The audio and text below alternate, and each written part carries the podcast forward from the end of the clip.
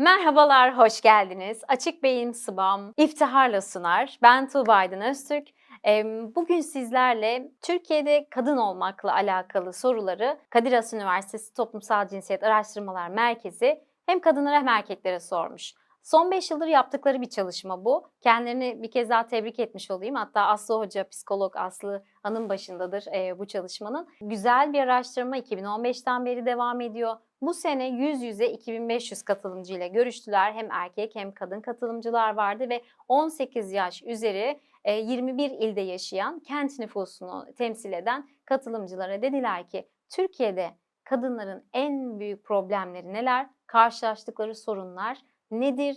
Bunlara ne çözümler bulunabilir? Hadi gelin araştırmanın inceliklerine dalalım. Araştırma birçok konu başlığını anlamlandırmaya çalışıyor. İçinde İstanbul Sözleşmesi de var. Feminizm nedir dedikleri sorular da var. Kadın algısı, Türkiye'de kadın olmak deyince aklınıza ne geliyor dedikleri konuları da dizmişler sırayla. Yaklaşık e, 60-70 sayfa süren bir e, rapor. Biz bunu aşağıya ekleriz zaten. Eğer Türkiye'de toplumsal cinsiyetin hem kadınların hem de erkeklerin verdiği cevaplar üzerinden okumak isterseniz detaylı bir şekilde raporu paylaşacağız. Tüm raporu ele almıyoruz belki ama benim özellikle böyle öne çıkan başlıkları gözlemleyip dedim ki evet yani bunu spam izleyicileriyle mutlaka paylaşmam lazım. Eminim ki onlar da katkıda bulunacaklardır. Birincisi kadının toplumda yaşadığı en büyük sorun nedir sorusu. Son 5 yıldır trendler e, açıklanıyor. Birinci sıra değişmiyor.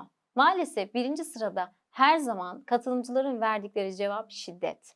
Türkiye'de kadının en büyük problemi artan bir şekilde bu arada. Yani yıllar geçtikçe örneğin 2015'te katılımcıların %53'ü demişler ki yani kadınlar Türkiye'de en fazla şiddetten çekiyorlar. Şiddetten çektikleri kadar da hiçbir şeyden çekmiyorlar demişlerdi. 2022'ye geldik. Bak pandemi geçti, ekonomik zorluklar, bir sürü kadın cinayetleri son 10 yılda çok büyük pik yaptı Türkiye'de. Bugün geldiğimizde rakam ne biliyor musunuz? %68. Türkiye genelini temsil eden bir sayı var elimizde. Neredeyse %70'e yakını diyor ki hala Türkiye gibi bir ülkede kadınların her sabah kalktılar. işlerine gittiler. Çocuklarıyla ilgilendiler, aileleriyle ilgilendiler, toplu ulaşımı kullandılar. E, yolda belki trafikte e, baskıya uğradılar. Mücadelenin içindeler. Bazen mobbing dediler, bazen e, eşlerinden psikolojik şiddet yediler, bazen bir şekilde sözlü ya da alenen bir cinsel tacize uğradılar. Bunların tümü şiddetin alt başlıkları ve Türkiye'de hala mücadele ettiğimiz konuların başında nedir diye sorduğunuzda e, cevap şiddet olarak çıkıyor. Bu cevabı sadece kadınlar vermiyor. Erkeklere sorulduğunda da beyler Türkiye'de kadınların en büyük problemi nedir acaba diye sorduklarında da onların da cevabı şiddet. E, bu cinsiyet değiştirmeksizin top 1 listesinde geliyor.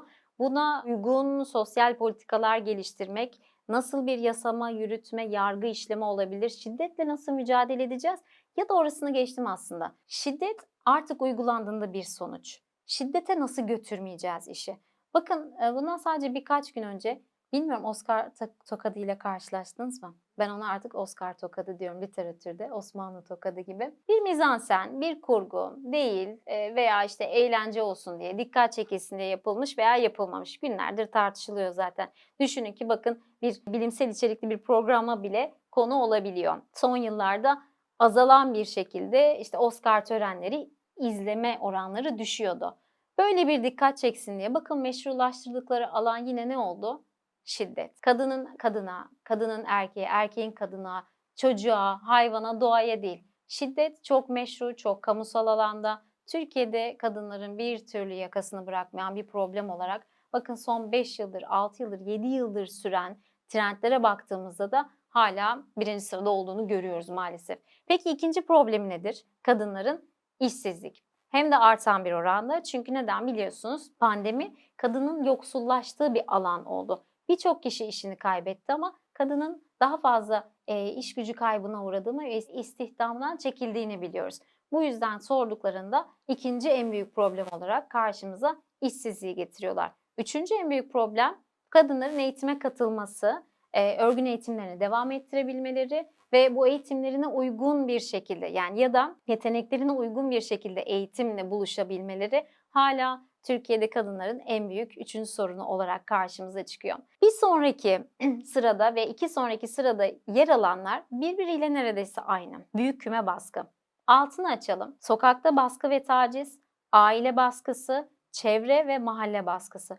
Bundan sonraki sıra baskının çeşitli türleriyle alakalı. Ne demek bu? Ben bir genç kız olarak yetişirken hangi okulda okuyacağıma karar veremediğimde, herhangi bir e, toplu ulaşım aracına bineceğim zaman Aa, akşam akşam 10 oldu neredeyse saat. Acaba tek başıma kaldım, kendimi güvende hissediyor muyum? Dur şu kalabalıkla beraber mi insem acaba? Bu durakta mı insem?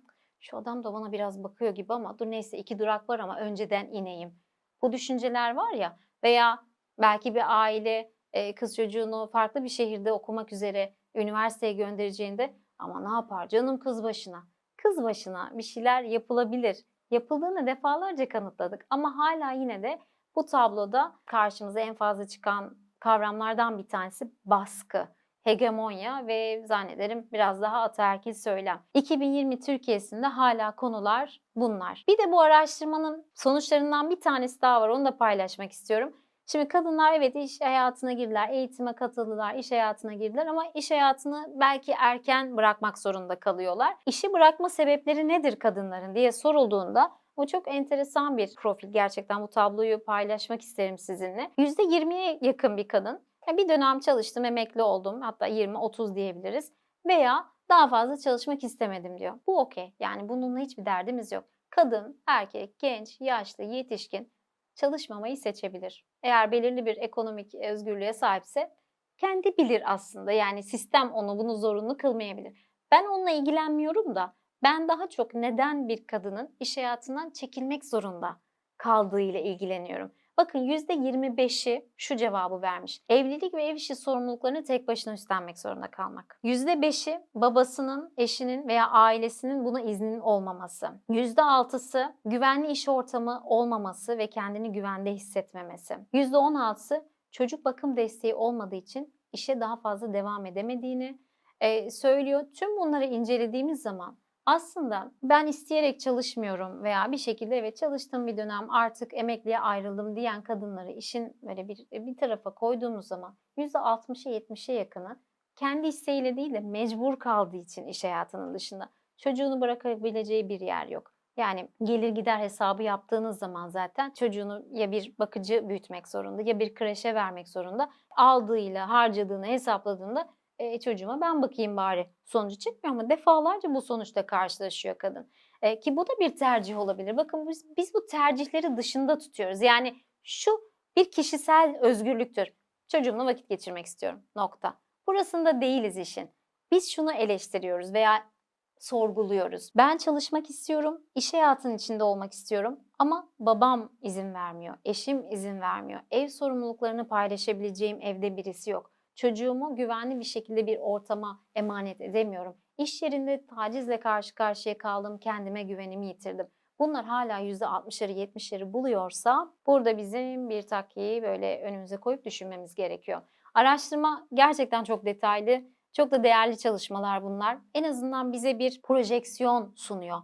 Yani Türkiye gibi bir ülkede kadın olmanın zorlukları, karşılaştığımız engeller ve bundan sonrası için ne yapılabilir? Yani problemler ortada ama çözümler nerede? Biz çözümleri arıyoruz. Hadi aşağıya yazın siz de. Sizce Türkiye'de kadın konusuna ya da kadınların uğradıkları problemleri, yaşadıkları engelleri ne gibi çözümler getirilebilir? Dinlediğiniz için çok teşekkür ederim. Herkese sevgiler, saygılar.